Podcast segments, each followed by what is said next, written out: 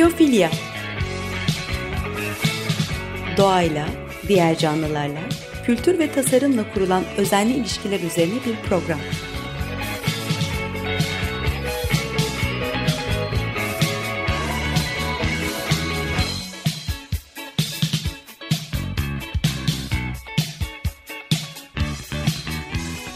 Hazırlayan ve sunan Nurhan Healer.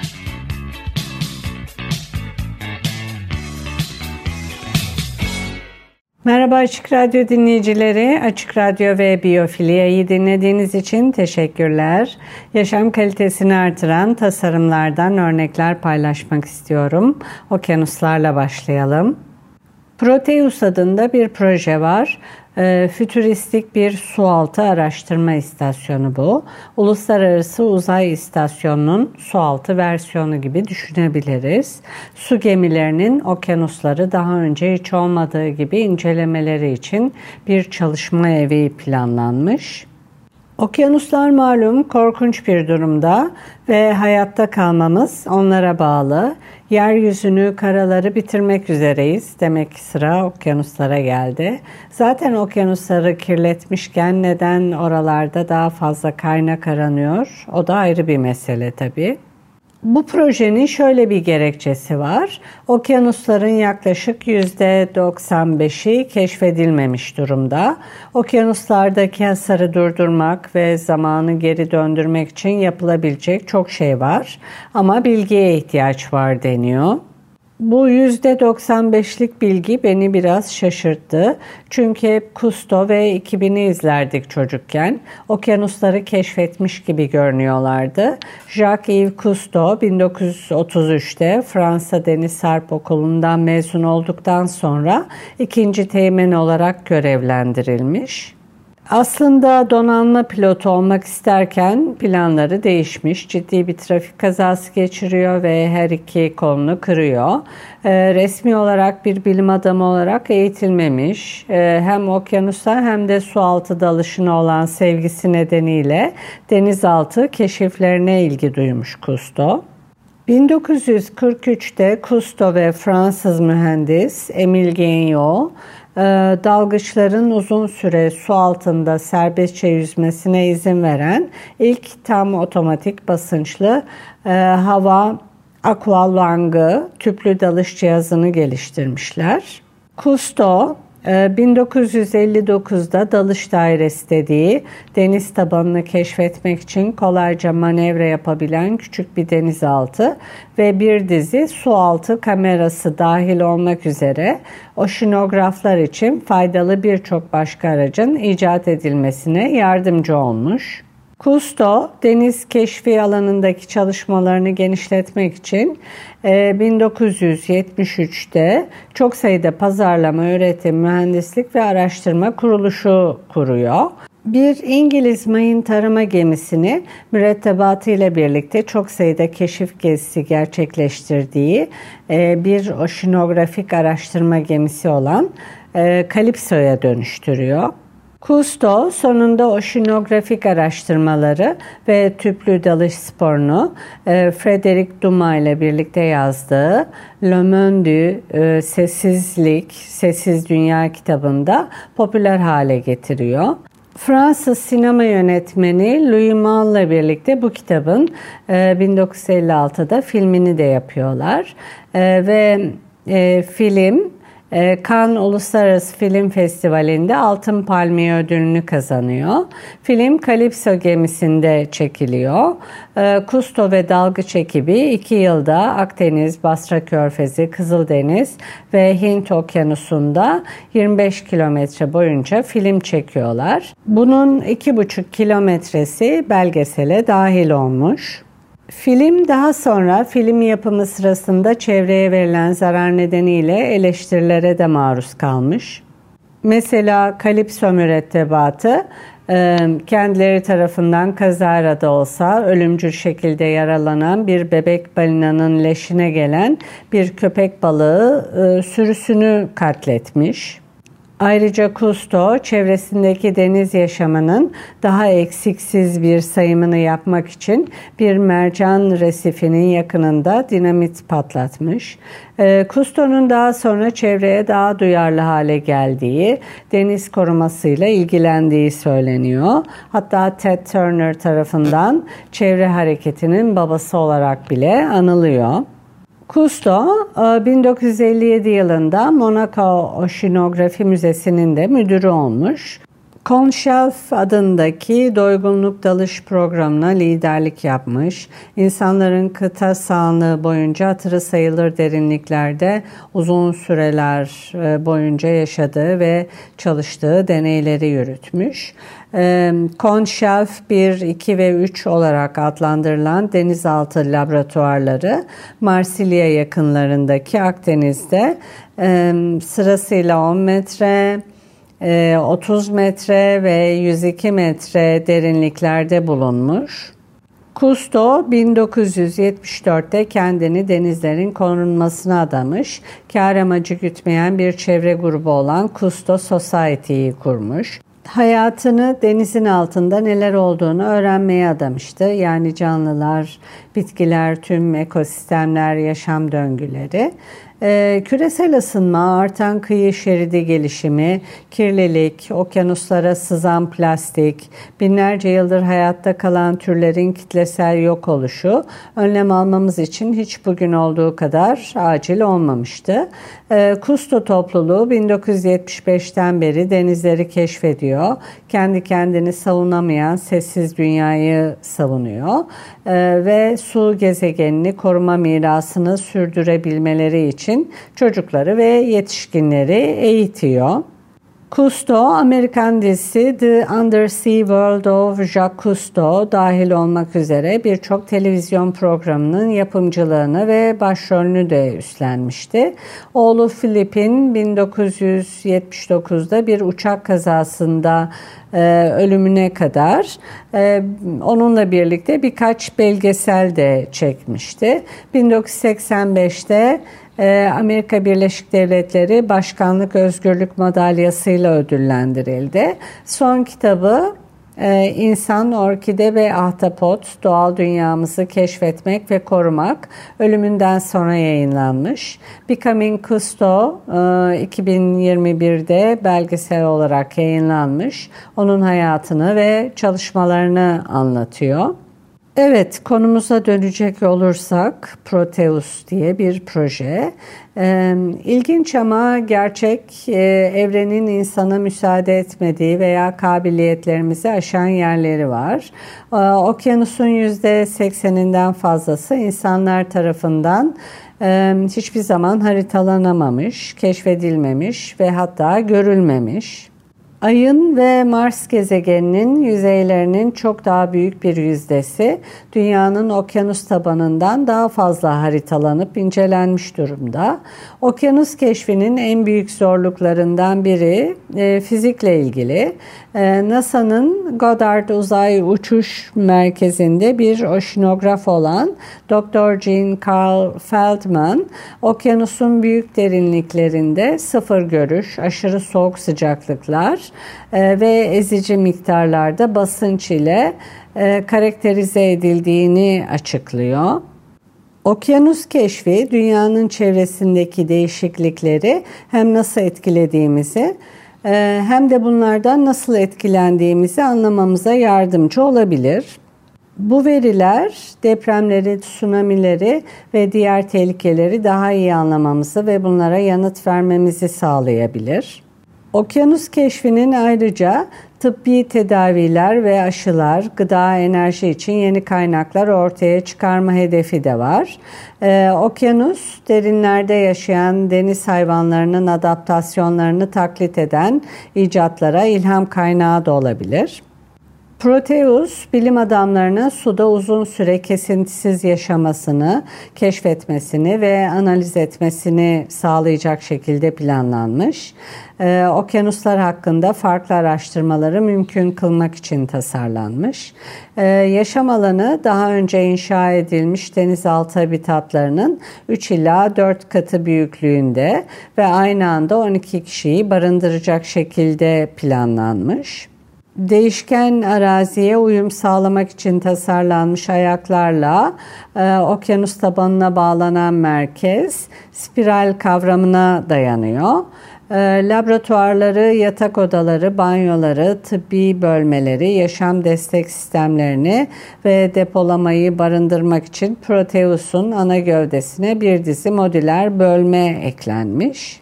Merkezi alanlar rahatlık sağlayacak, sosyal bağlantıyı ve profesyonel işbirliğini teşvik edecek şekilde kurgulanmış. Su altında daha uzun süre kalmanın en büyük zorluklarından biri sosyal izolasyon, diğeri ise doğal ışık eksikliği. Proteus pencerelerden, yapının tepesinden ve çevresinden e, mümkün olduğunca fazla ışık toplayacak şekilde tasarlanmış. Proteus'un e, küresel bilim ve araştırma kurumlarına hizmet edecek, e, girişimcileri ve mucitleri çekecek ve her yaştan öğrenci yetiştirecek bir araştırma merkezi olması hedefleniyor. Araştırma ee, yalnızca okyanusların durumu hakkında bilgi vermekle kalmayıp sürdürülebilirlik çabalarını, gıda güvenliğini ve diğer tıbbi keşifleri ilerletmek için önemli bulguları ortaya çıkarabilir. Projenin özellikle odaklandığı alanlardan biri e, farmasötik araştırmalar ve ilaç keşfi.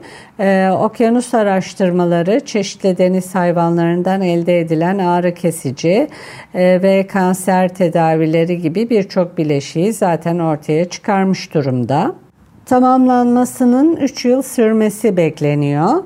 Ee, Karayip Denizi'ndeki bir ada olan Curacao kıyılarındaki deniz koruma alanına 60 fit su altında yerleştirilecek.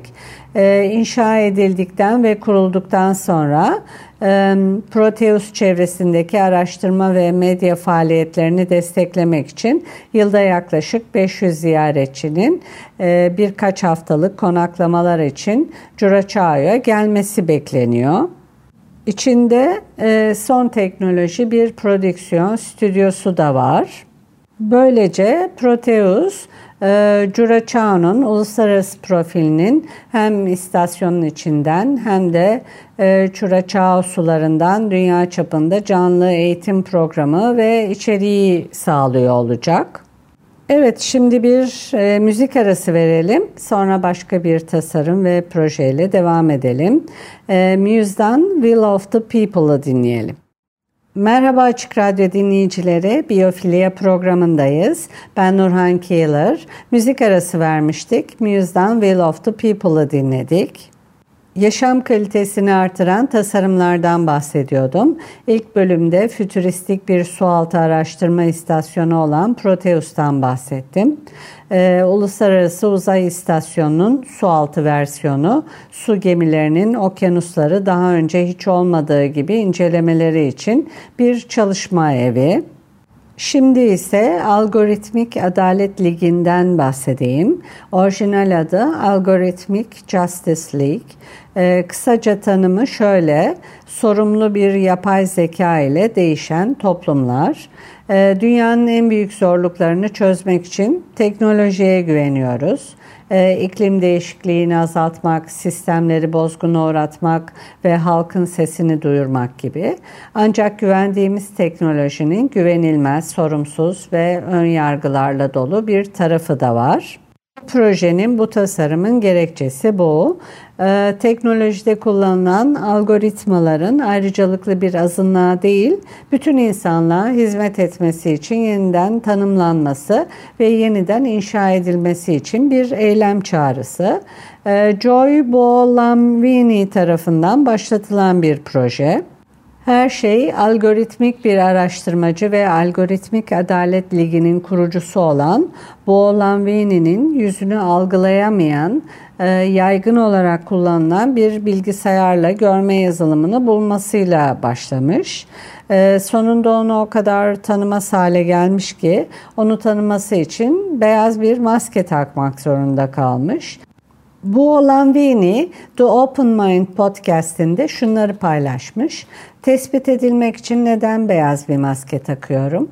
Ee, daha açık tenli meslektaşlarım var ve sorun yaşamıyorlar. Işıktan mı kaynaklanıyorlar? Neler oluyor? Bunu yapay zeka tekniklerinden güç alan yüz analizi teknolojisini keşfetmeye başladığım zaman anladım. Böylece bu olan Vini algoritmik yazılım tarihinin derinliklerine dalmaya ve IBM, Microsoft gibi şirketlerin sistemleri üzerinde testler yapmaya başlamış. Genel olarak doğru olmalarına rağmen e, eşitsizlikle karşılaşmış. Açık tenli erkeklerde yüzde birlik bir hata oranı bulunurken daha koyu tenli kadınlarda yüzde 47'ye varan bir hata oranı keşfetmiş. Bu olan Vini'nin dediği gibi bilgisayar e, ön yargıya sahip, ön yargılı veri kümeleri tarafından biçimlendirilmiş, kodlanmış bir bakışa sahip. Yapay zeka onlarca yıldır ırksal ve adaletsiz bir geçmişin resimleriyle beslenmiş durumda. O kadar ki e, normlarına uymayan yüzleri görmezden gelmeyi öğrenmiş sonunda. Bu durum e, tırnak içinde marjdaki insanların iş fırsatlarından ve kredilerden mahrum bırakılması, hatta kendi evlerine veya sağlık hizmetlerine erişimlerinin tehlikede olması anlamına da gelebilir. Masum insanları bile şüpheli konuma sokabiliyor. Mesele sadece bu sistemlerin ne kadar doğru olduğu değil, nasıl kullanıldıklarıyla da ilgili bir soru. Bu nedenle Algoritmik Adalet Ligi, Algoritmik Justice League e, yeni ve geliştirilmiş veri kümeleri oluşturuyor ve şirketlere yapay zeka sistemlerinde denetimler sunuyor. Ancak yaptıkları tek şey bu değil. Yapay zeka adaletine yönelik gerçek bir hareket yaratmak için sanat ve eğitimi birleştirerek yalnızca marjinalize edilmiş sesleri bilinçlendirmek e, ve güçlendirmekle kalmıyor. Aynı zamanda toplumları da değiştiriyor. Bu önemli çünkü ABD'de yüz tanıma teknolojisi için federal düzenlemeler yok. Yani şirketlerin devlet kurumlarına ve diğer kuruluşlara herhangi bir gözetim olmaksızın sistem satabilecekleri bir alan tanınıyor. Microsoft, Amazon ve IBM gibi büyük oyuncular yapay zeka çözümlerinin polis güçlerine satışına yönelik e, kendi kendine kısıtlamalar getirmiş olsalar bile hükümetler hala bu konuda yasa çıkarmakta zorlanıyorlar. Ancak tabi düzenlemelere ve politikalara duyulan ihtiyaç yalnızca şirketler veya sınırlarla e, sınırlandırılmamalı. Çünkü bir kez daha marjinalleştirilmiş ve düşük kaynaklı alanlar e, kodlanmış önyargının yan etkilerinin kurbanı olabilirler. Görmeye başladığım şey transatlantik köle ticaretine neredeyse bir paralellik gibi diyor bu olan Vini. Ee, Algoritmik Adalet Ligi Algorithmic Justice League şans eseri takipçi kazanmış. Ee, Bo Lanvini'nin konuyla ilgili TED konuşması 100 binden fazla izlenmiş. Algoritmik Adalet Ligi'nin yanı sıra yapay zekanın etkilerini sergileyen Coded Bias belgeseli dünya çapında Netflix'te izlenebiliyor e, ön yargıların çözülmesine yardımcı olabilecek e, bilim ve teknolojideki kadın sayısını ikiye katlamak için e, ortaklarla çalışıyorlar. E, yüz analizi teknolojisinin ölümcül kullanımını engellemeyi amaçlayan bir güvenli yüz projesi bile var. Güvenilmez ve düzenlenmemiş yapay zeka insanlık için en büyük tehditlerden biri aslında hükümetlerin halkını gözetleme dürtüsünü körüklüyor veya zaten adaletsiz olan sistemleri güçlendiriyor, daha da güçlü hale getiriyor. İnsanları birer dijital para birimine dönüştürebiliyorlar. Onları hayatları için savaşmaya zorlayabiliyorlar. Bunlar e, saniyeler içinde binlerce insan hakkı ihlaline neden olabiliyor ve toplumsal ilerlemeyi durduruyorlar. Algoritmik Adalet Ligi, Algoritmik Justice League, hayatlarımızı yöneten süreçlerde söz sahibi olmamızla ilgili. E, programı Algoritmik Adalet Ligi'nin şu ifadesiyle bitireyim. Şirketler, hükümetler ve kolluk kuvvetleri fırsatlarımız ve özgürlüklerimiz hakkında kararlar almak için yapay zekayı kullandığından insan olarak bize saygı duyulmasını talep etmeliyiz. Evet, Algoritmik Adalet Ligi'ni takip etmekte fayda var. Ee, bir programın daha sonuna geldik. Dinlediğiniz için teşekkürler. Edit için Açık Radyo Prodüksiyon ekibine teşekkürler. Görüşmek üzere, hoşçakalın.